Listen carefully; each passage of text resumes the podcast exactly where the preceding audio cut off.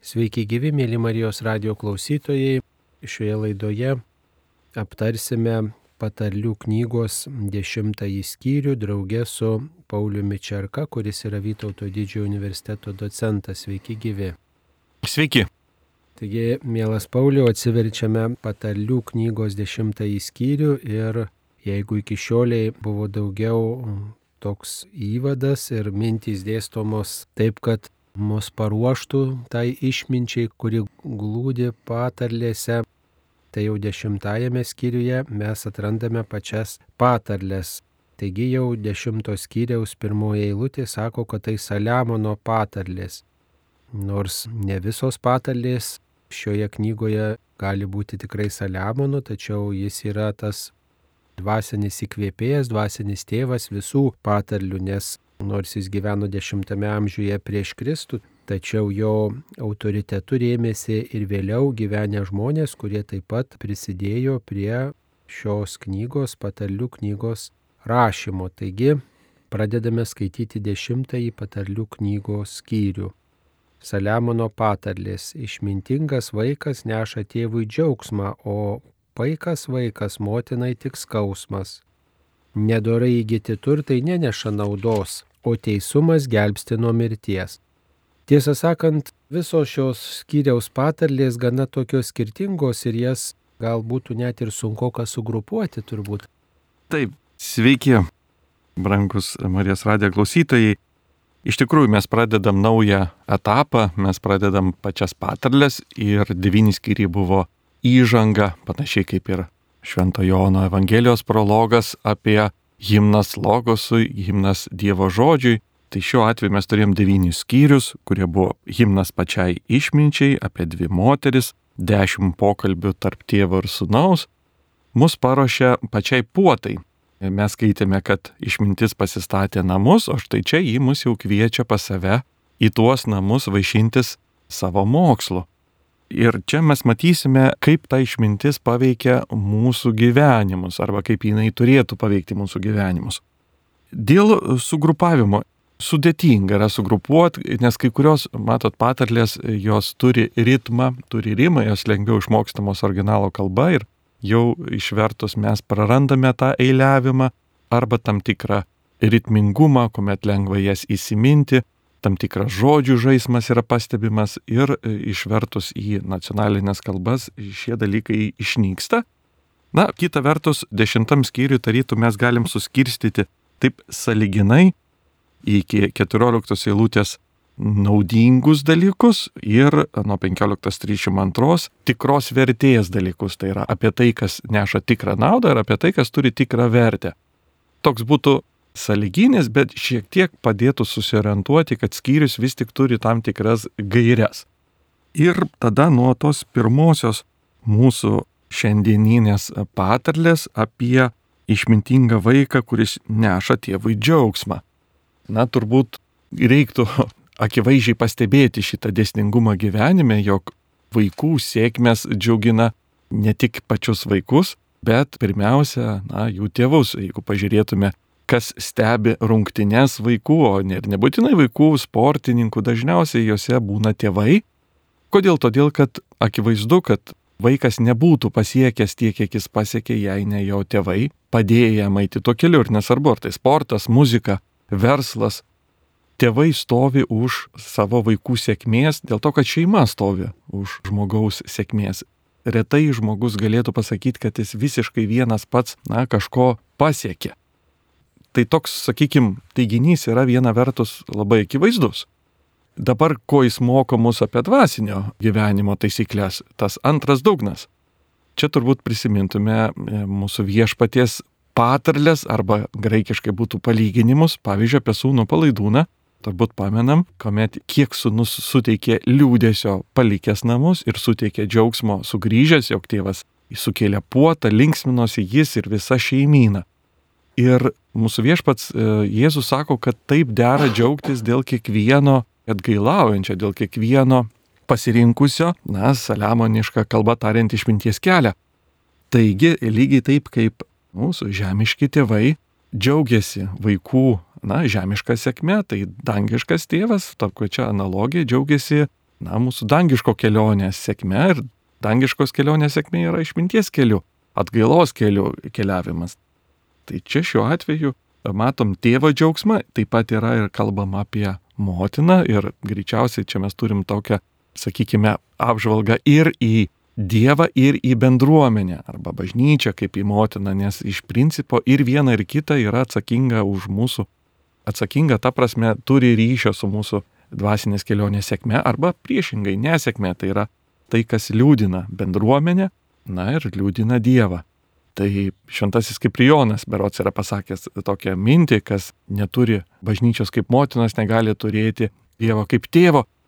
Tai yra susiję dalykai, na ir gyvenimas bendruomenėje, gyvenimas santykėje su dangišku tėvu yra vienas su kitu be abejonės susiję. Tai šiuo atveju vat, būtų pirmoji patarlė apie tėvų džiaugsmą ir taip pat apie, na, kalba mums apie tą nematomą dalyką, apie Dievo džiaugsmą, kuomet žmogus pasuka teisumo keliu. Tas džiaugsmas yra panašus į tėvų džiaugsmą vaikų sėkme. Visame šiame skyriuje be nedažniausia žodis bus teisusis, teisiojo ir teisumas. Gal prieš pradedant vardinti tas patarlės vieną po kitos reikėtų pasakyti, kas tas teisusis yra, kuris vat, aukštinamas ir kurio gyvenimas visuomet yra nulaimingesnis, pasak patarlių knygos. Taip, iš tikrųjų ši savoka sunkiai gal persiduoda, ją nereikėtų sutapatinti su tokiu fariziejišku legalistiškumu arba išoriniu formalumu laikymosi. Tai greičiau yra savoka apibūdinanti šeimos nario statusą. Teisus yra tas, kas priklauso šeimai, turi su jie tvarius ryšius, priklauso tam tikrai sandorai, yra tikras, pavadinkime, sunus, mes pasakytume tikras tautos sunus, jeigu tai yra bendruomenė kaip tauta arba tikras vaikas, kuris na, gyvena taip, kaip iš jo tikimasi to bendruomenė, ar tai šeimos bendruomenė, miesto bendruomenė, valstybės bendruomenė. Tai teisus yra visų pirma bendruomenės narys, turintis tikrą nepažeistą sandorinį ryšį su savo artimu ir su Dievu. Būtent teisumas yra apibrėžiamas, nu taip reikėtų, kaip šeimos kategorija. Pirmiausia toks vidinio ryšio kuris pirmiausia pasireiškia per dorybės, bet tai jau jis pasireiškia per jas, o pats yra tiesiog teisingas ryšys, buvimas šeimoje. O gal dar reikėtų pabrėžti, kad tai yra tas žmogus, kuriam labai svarbus yra Dievo įsakymai, kuris priima Dievo įsakymus ir aišku, jeigu kalbam apie šeimą, tai reiškia gerbė savo tėvą ir motiną, bet kuriam svarbus ir kiti Dievo įsakymai, kuris tiesiog tuos įsakymus žino ir jų laikosi. Be abejonės, bet tai jau išplaukia iš to, kas jis yra, ar ne? Tai yra būtų jau požymis to, bet pats teisumas būtų, reiškia, mes krikštu esame įskiepiami į Dievo šeimą ir va tokiu būdu tampame santykėje su Dievu ir tokiu būdu mes tampame teisūs, tačiau tai yra teisumas, kuriame galima progresuoti ir aukti. Reiškia, taip kaip galima tą ryšį savo vis tvirtinti, santyki, na, skaistinti, pavadinkime taip. Tai to požiūriu mes turėtume žiūrėti į teisų, ne į taip, į tą, kuris tobulas arba aklai laikosi formalumų, bet tas, kuris yra šeimoje. Nuo duoto atveju čia mes kalbame apie Dievo šeimą. Taip, bet toks teisumo supratimas turbūt mums padėtų orientuotis. Nuo trečios eilutės dešimtajame skyriuje skaitome viešpats neleis teisėjam badauti, o nedorėliams neduos ko trokšta. Tingi ranka neša skurdą, o darbščiųjų rankos turtą. Vaikas, kuris vasarą pripildo ruodus, yra protingas, o vaikas mėgantis per pjūtį neša gėdą. Kitaip sakant, štai trečia, penkta, dešimtojo skyriaus eilutės kalba apie tą teisųjį, kuris yra darbštus. Tai dar vienas toks bruožas, kuris svarbus teisėjam žmogui. Tai reiškia nebūti tinginiu. Tai Tinginystė viena iš didžiųjų įdo, o jo priešingybė darbštumas tropumas. Vienareikšmiškai. Čia tik pora gal tokių dar papildymų būtų. Trečioji lūtė, kur mes skaitom viešpats neleis teisėjam badauti, originale mes sutinkam žodį teisėjo sielai.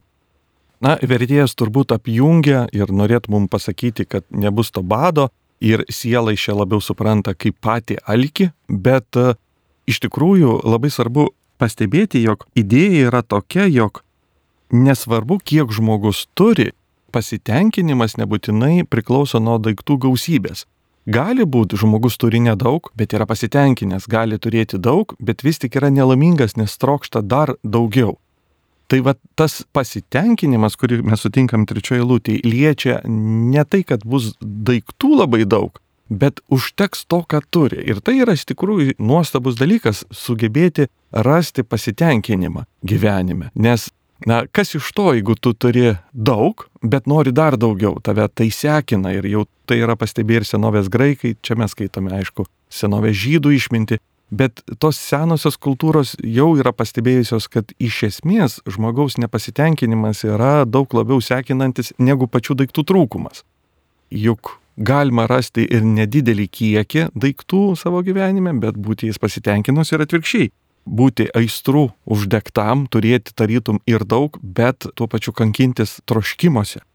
Tai va trečioji eilutė sako, kad neleis teisėjam badauti, eina kalba apie neleis teisėjo sielai badauti. Tai va vidiniam žmogui Dievas nepažada, kad tų daiktų bus kokio tik užsigeisi, bet Dievas sako, jeigu jo keliu eisi, tai turėsi ramybę, pasitenkinimą, nebūsi aistrų, vedžiojamas ir sekinamas. Ir atvirkščiai, nedorelis negauna ko trokšta. Nepasakyta, kad jis nieko neturi, bet pasakyta, kad jis nuolat nepasiekia, tarytum visiems trūksta ir trūksta ir trūksta. Reiškia, čia yra vaizdas, mes nežinom, kiek šitie mūsų herojai turi daiktų daug ar mažai, bet mes žinom, kad vienas yra pasitenkinęs tiek, kiek jis turi, o kitas gal turi daug, bet nepasitenkinęs. Tai va trečioji eilutė mums kalba apie tą labai svarbų sielos, sakykime, pasitenkinimą. Pastebėkit, kad čia nepasakyta, jis patenkins akis. Toks yra kitas patenkinimo momentas, kuomet žmogaus akis būtų pasitenkinusios. Jos iš esmės niekada nepasitenkina, mes kaip žmonės visada na, norim vis daugiau, vis įmantriau ir mūsų akis, na, apie jas čia nekalbama, kalbama apie sielą, reiškia apie mūsų vidinio alkio patenkinimą. Dabar apie tingę ranką. Iš ties daug kartų mes patarlėse sutiksime vieną ar kitą formą gyriant darbštumą, uolumą ir peikiantingumą. Dabar pasižiūrėkim į Kristaus patarlės ir turbūt atsimenat vieną iš talentų patarlių, kuomet buvo išdalinti tarnams talentai ir vienas iš jų užkasė, nieko su juo nedarė ir šeimininkas grįžus jisai jį apkaltino tu tingusis tarne.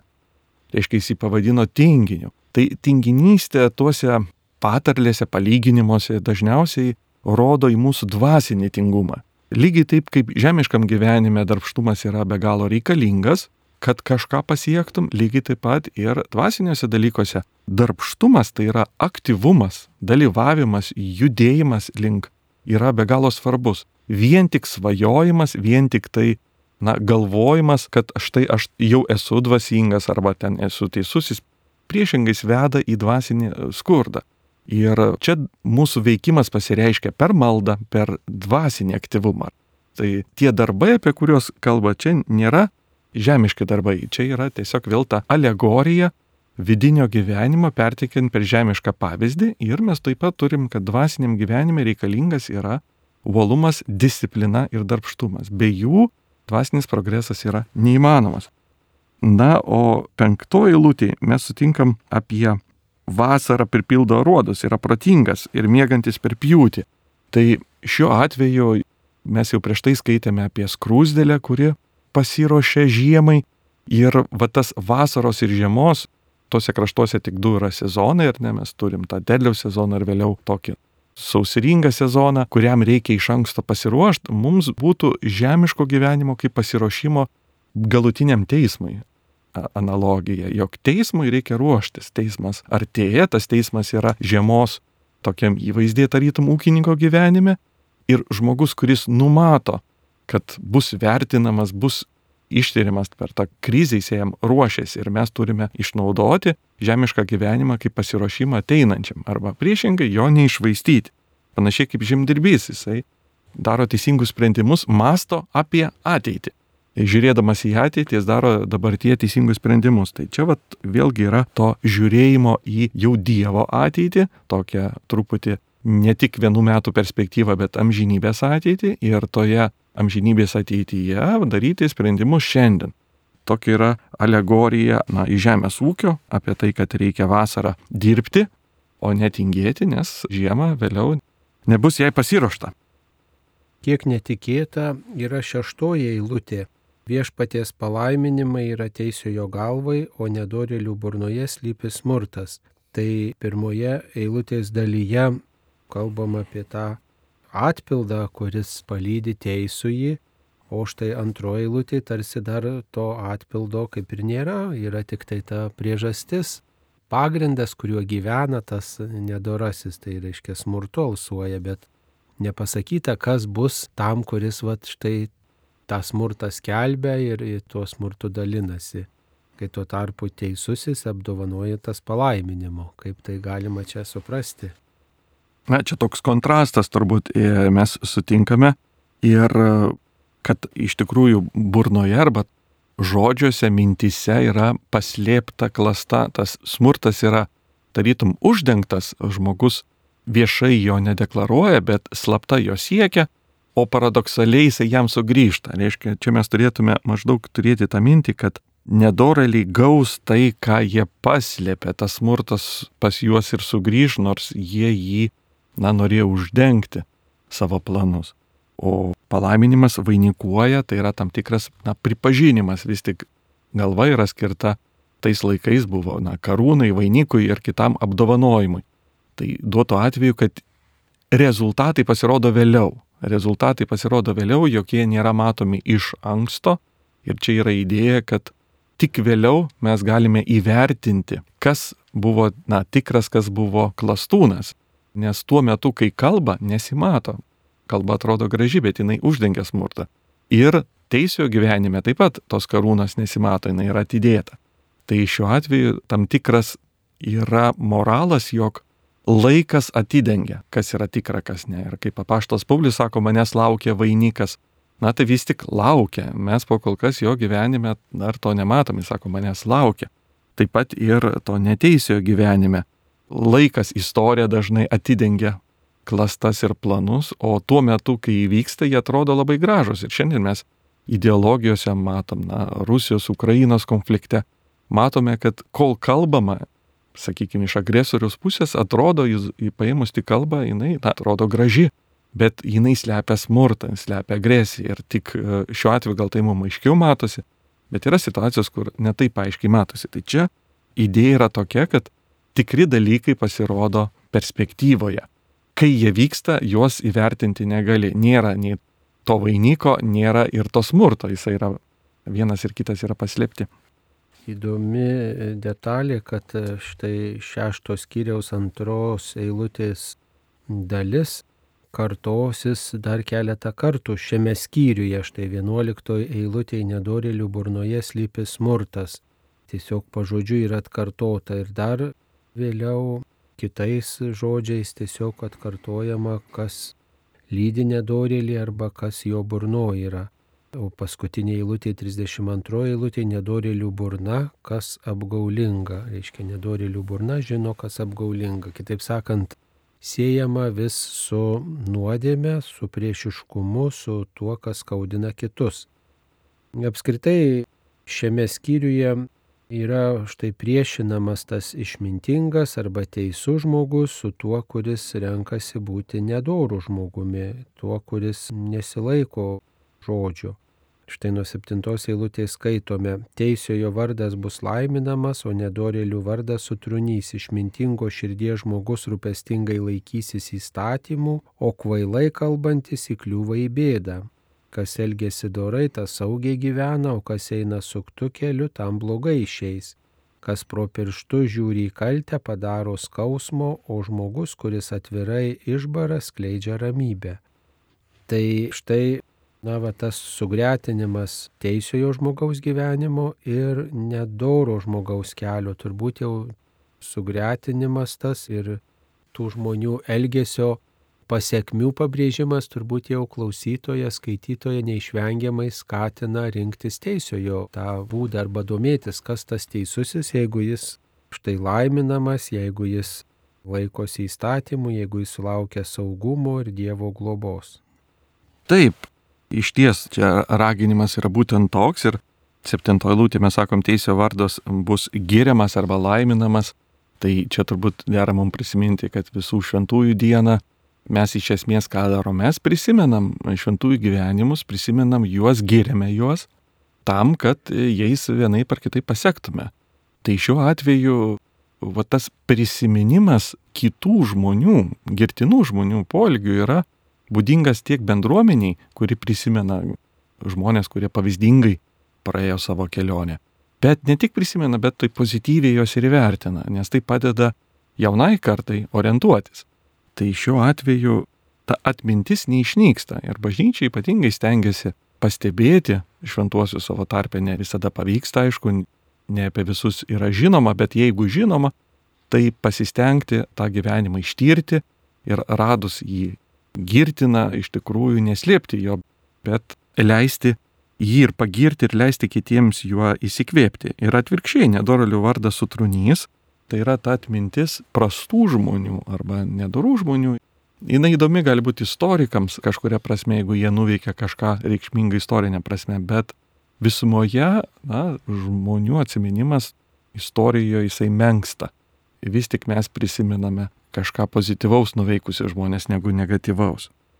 Kita vertus, čia labai nemažai kalbama yra apie, tą reiškia, mūsų kalbą, arba pataikaujančią kalbą, arba tiesią kalbą, kuomet tiesiai yra pasakoma, kas gerai, kas blogai, ir tai vat, atvirai išbarantis kleidžia ramybę. Iš tikrųjų atrodo paradoksas. Jis ieško konflikto, jisai pasako tiesiai šviesiai kažkokią problemą iškelia, bet tik toks požiūris, tai yra tas negudravimas, neklastūniškas prieimas, nepataikavimas, jis daro tikrą pagrindą taikai ir ramybei, nes jis padeda įspręs problemą. O judo bučinys toks yra, ar ne, kuomet jis atrodo labai gražiai, bet už jo slypi išdavystė, jis pataikūniškas. Iš tikrųjų, judas išduoda savo mokytoją, nors elgesi labai mandagiai. Tai mandagumas ne visada atspindi tą tikrą sieki taikos, kartais gali būti nemalonus pokalbis, bet už jo slypi autentiškas noras išspręsti nesutarimą, eiti prie esmės. O pataikavimas, labai mandagus žodžiai, viniojimas į vatą, mes turime įsireiškimą, iš tikrųjų jisai problemą palieka ir gilumoje konfliktas neįsisprendžia.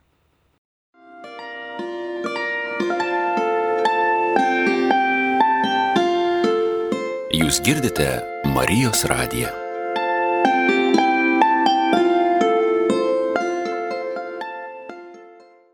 Taip, 11 eilutė aprašo, kuo skiriasi teisiojo burna nuo nedorėlio burnos, kitaip sakant, ne tiek ta fizinė burna, kiek galbūt žodžiai, kuris klinda iš burnos, arba tai, ką skelbia tas žmogus, kuo gyvena gal galų gale, ar ne, kas jo širdį galbūt yra ir kas matoma kitiems arba girdima, patariama kitiems. Štai skaitome 11 eilutėje. Teisiojo burna yra gyvenimo versmė, o nedorėlio burnoje slypi smurtas. Kitaip sakant, čia turbūt kalbam apie gilesnės intencijas, troškimus, pasirinkimus, kurie jau kažkaip patiriami aplinkinių. Per žodžius tikriausiai. Taip, per žodžius, per mintis. Ir čia iš tikrųjų mes galim pasakyti, na, ta senovinė kalba teisė burna, šio laikinė kalba tai būtų kažkokia knyga, turbūt kurioje yra mintis ir iš ties vienos knygos mus veda į daugiau gyvenimo, į tam tikrą mokėjimą gyventi, o kitos knygos gali arba kalbos gali uždegti agresiją kaip ideologijos, kurios iš tikrųjų pavergia žmogų, pajungia jį, manipuliuoja jo ir galų gale veda į tam tikrą smurtą, agresiją. Tai viena vertus tai yra turbūt teisinga kalbant apie na, politinį, socialinį mūsų gyvenimą ir tas idėjas išreikštas dažnai knygomis ar teiginiais, bet tuo labiau tai taikoma ir Dievo kalbai. Dievo kalba yra taip pat, yra gyvenimo versmė, jinai mus moko labiau patirti gyvenimą, o netikėjimo arba baimės kalba yra atvirkščiai veda į sunaikinimą. Dvylikta eilutė yra net cituojama ir Naujajame testamente įvairiose vietose apaštalų laiškuose, apaštalo Pauliaus, apaštalo Petro, laiškuose. Neapykanta sukelia vaidus, o meilė uždengia visas kaltes. Galbūt galima net ir pasakyti, kad štai meilė uždengia visas kaltes, tai yra galbūt net ir tiesiog pranašystė apie Naują Testamentą arba tas Naujo Testamento tam tikras apibendrinimas daugelio Jėzaus minčių. Taip, galima būtų iš tikrųjų ir tuo būdu pasakyti, jog jis rado būdą uždengti kaltes, bet jį labiau mes suprantame, jeigu pažiūrėtume į mūsų santykius. Jog iš tikrųjų santykiuose vienas svarbiausių dalykų yra, ko mes norime. Ar mes norime santykių sustiprinti, ar, sakykime, ieškoti tos teisybės, ypatingai savos teisybės, kad įrodyti, kad aš buvau teisus. Tai šiuo atveju meilė, jinai nesistengia įrodyti, kad ji buvo teisi, bet ji rando būdų savo tą kitą pusę, saliginį oponentą tarytum išteisinti. Na, jo trūkumą numenkinti ir sakyti nieko baisaus, nieko tokio. Va. Mandagumo taisyklės dažnai išreiškia, kai žmogus pasielgia, na, netaktiškai, tai yra taiklu nepastebėti, kad žmogui ten prie stalo kažkas nepasiseka, iškrenta galbūt iš rankų dalykai ir vietoj to, kad, kai būna vaikai, jie dažniausiai pradeda juoktis ar ne ir, ir pastebi, tai mes jau suaugę suprantam, kad dera tą dalyką tarytum praleisti iš akių, lik nieko neatsitiko. Tai čia smulkmenos, čia mandagumo taisyklės, bet jos galioja ir gilesniems dalykams, jog ieškom būdų, kaip, na, tarytum tą žmogaus trūkumą uždengti, o ne tik nuolat jam jį banksnoti. Nes va tas iškelimas žmogaus trūkumo, jisai kaip tik kelia įtampą ir konfliktą. Melė ieško būdų uždengti neprisiminti blogų dalykų, o ne nuolat apie juos kalbėti. Būna žmonės, kurie vis prisimena dešimtis metų atgal įvykusius įvykius ir susitikant jie nuolat primena, ar tu pameni, kaip tu, reiškia, kažką ten nepadarėjai arba padarėjai. Na tai, tai jeigu tu iš tikrųjų mylėtum, tai rastum būdą tai uždengti. Žmogaus netaktą. Nėra žmonių, kurie nebūtų nepasielgę netinkamai. Visi yra vienai per kitai padarę tam tikrų klaidų, netaktų. Tai meiliai yra geriau ieškoti ne kaip per to sugrįžti, bet priešingai rasti būdų, kaip tai uždengti. Tai labai iš tikrųjų graži ir esminė raktas į gerus santykius eilutė. Taip, nuo 13 eilutės skaitome apie protingą, teisų žmogų ir taip pat apie tą, kuris yra bukaprotis, kvailas, neteisus, nedoras, reiškia, nu, jų sugretinimas. Protingo žmogaus lūpose glūdi išmintis, o bukopročio nugarai lieka tik lasda. Išmintingiai brangina savo žinojimą, o kvailo plepėjimas priartina pavojų. Turtingajam turtai yra jo tvirtovė, o skurdžių neturtas jo pražutis. Teisiojo uždarbis veda į gyvenimą, o nedorėlio pelnas į nuodėmio. Kas paiso pamokymo eina gyvenimo taku, o kas atmeta įspėjimą paklysta. Melagio lūpos lepia neapykantą, o kas apkalbas leidžia yra kvailys. Kur daug kalbama, ten kalties netrūksta, o protingo žmogaus kalba yra santūri. Na kitaip sakant, čia jau tas sugretinimas verčia rinktis teisiojo kelią, turbūt taip reikėtų suprasti ir žiūrėti, kur veda teisiojo kelias ir kur veda nedorelio kelias. Turbūt niekas nenorės patirti nuostolio, taip sakant, likti kvailiu, pražūti, o visi norės išsigelbėti ir patirti pilnatvę, turtą, gerumą, va, išminti. Taip, vienareikšmiškai taip, bet galbūt galima sugrįžti šiek tiek dar pasvarstyti tomis eilutėmis. 15 eilutė mes skaitome apie turtingo turtą jo tvirtovę ir dažnai mes tikimės, kad turtai turėtų būti na, kritikuojami savaime, bet e, patarlėse pats turtas nėra nei blogai, nei gerai, jis tiesiog yra priimamas kaip toks. Kritikuojamas yra godumas, ne pats turtas. Čia mes matome, kad turtas iš tikrųjų atlieka panašią funkciją kaip miestui jo įtvirtinimas, ar ne, jisai tam tikrą suteikia saugumą. Ir priešingai žmogus, kuris visiškai neturi jokio turto, jis nedidelės nelaimės yra parbloškimas. Ir tą turbūt na, mes esame patyrę, jog, sakykime, problema, su kuria susiduria dažnai pasiturintis, jinai yra išsprendžiama, jis turi resursų, laiko ar kitų resursų, sakykime, kaip jie įspręst, o nepritikliui esančiam žmogui ir mažiausia problema tampa labai didelė, nes na, jinai jį labai prispaudžia. Tačiau ką mus moko dvasiniu būdu šitas pastebėjimas turto? Čia turbūt dėlėtų prisiminti kalno pamokslo mintis, jog Kristus sako, nekaupkite turtų žemėje, bet kaupkite juos danguje. Jis vis tik kalba apie kažkokius turtus, kuriuos dera kaupti. Ir turbūt jis nori pasakyti, kad tie dangiški turtai turi tą patį efektą kaip žemiški. Žemiški turtai apsaugo nuo žemiškų bėdų, tai dangiški turtai apsaugo nuo tų dvasinių nelaimių. Ir jeigu žmogus dvasinė prasme yra skurdžius, jį iš tikrųjų, na, nedidelės vidinės bėdos įtampos jį išsekina, jis neturi e, resursų išsilaikyti prieš gyvenimo negandas. O turtingas dankiškais turtai, žiūrėk, pergyvena įvairiausius iššūkius ir nepalūšta, ir kalėjimus ištveria, mes žinom žmonės, ir atrodo labai didelius sunkumus. Kodėl? Nes jis turi, pasirodo, to turto, ne žemiško turto, bet dangiško. Tai kai mes matysim patarlėse apie turtus, mes turim suprasti, kad viena vertus taip, yra pastebėjimas apie tam tikrą socialinį, ekonominį gyvenimą, bet moko mus Saliamonas ne apie ekonominį gyvenimą, jis tarytum mus moko apie tikrąjį gyvenimą su Dievu ir čia jau yra kito pobūdžio turtai, apie kuriuos Kristus sako, kaupkite juos danguje. Reiškia, eina kalba apie tam tikrus turtus, kuriuos dera kaupti ir danguje, kaip sakome, turbūt asociacijos dažnai būna tarytum pomirtiniam gyvenime, bet Evangelijose dangaus karalystė nėra pomirtinė karalystė, tai yra karalystė, kurioje žmogus pradeda gyventi čia ir dabar gyventi su Dievu. Tas dangiški turtai, jie suprantama, kad po mirties jie liks, bet jų pradžia jau yra ir dabartiniam gyvenime. Tai matydami žodį turtai mes turėtume suprasti, kad mus moko žemiško turtų pavyzdžių, alegorija apie, na, vidinius tuos dvasinius turtus, dangiškus turtus. Kita vertus, matysime čia labai nemažai vėlgi to kalbėjimo. Pavyzdžiui, 19 lūtė, kur daug kalbama, ten netrūksta kalties. Origenas turėjo teisintis, kadangi buvo labai daug prirašęs knygų ir jam buvo toks kaip ir priekaištas, ar iš to didelio rašymo jis buvo didis teologas, na, nebus tos kalties. Ir jis atsakė taip gražiai, jog iš tikrųjų nors šventieji kalba daug žodžių, tačiau jie kalba apie vieną žodį iš didžiosios.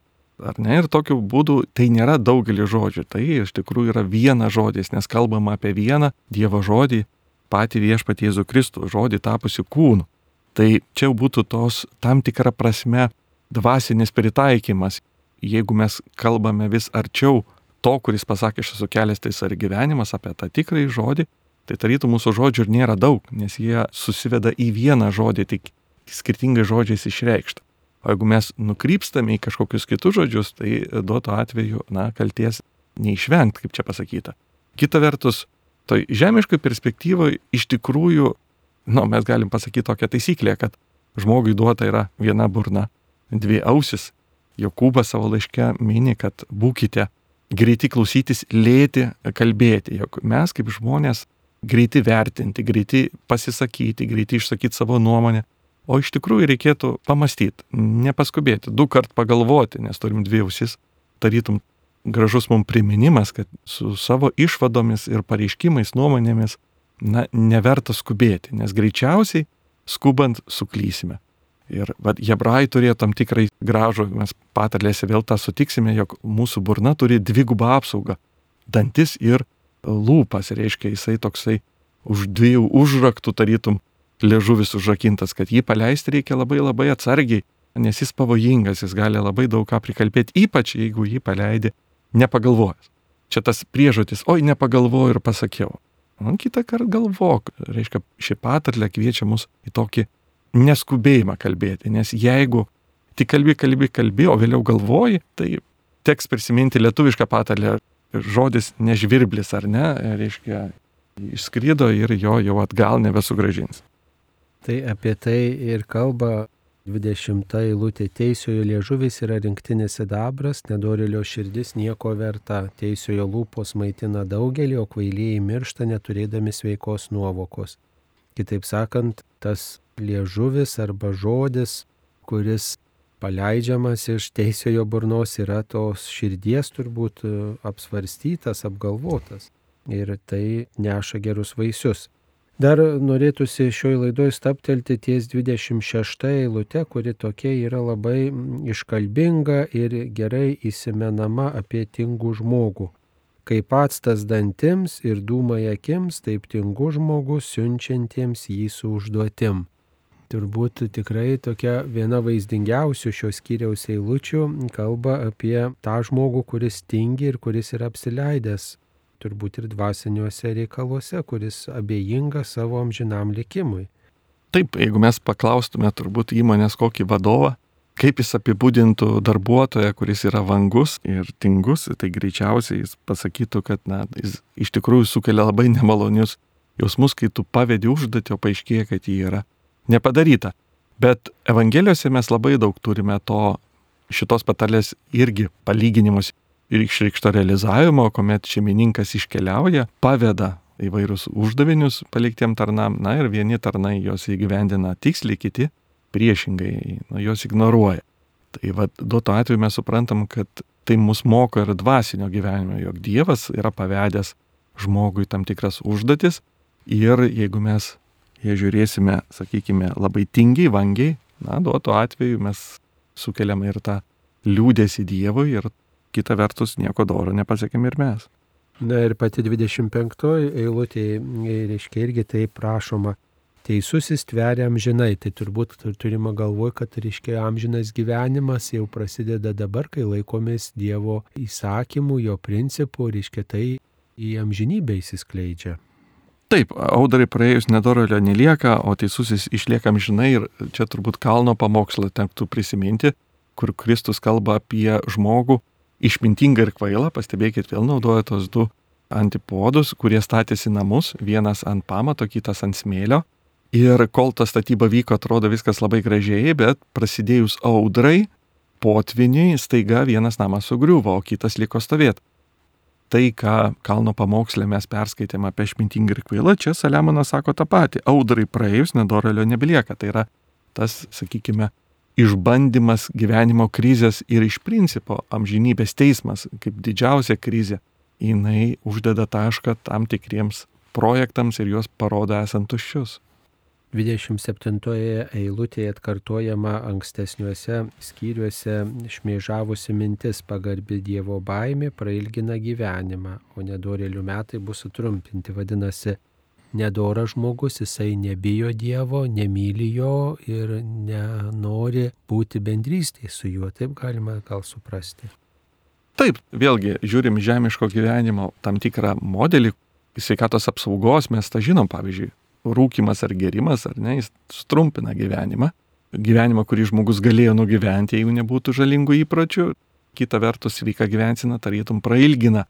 Va tai mes naudojam tas kategorijas į lygį ir žemiško gyvenimo supratimuose, bet čia mus moko ne apie sveiką gyvenseną, mus moko apie dvasinę gyvenseną, kad lygiai taip pat kaip sveika gyvensena, ji prailgina arba padaro labiau kokybišką gyvenimo patirtį, tai dvasinis gyvenimas padaro tą patį efektą, tik tai jau amžinybės kontekste ir atneša žmogui ne šiaip ilgą žemišką gyvenimą, bet tikrą dangišką.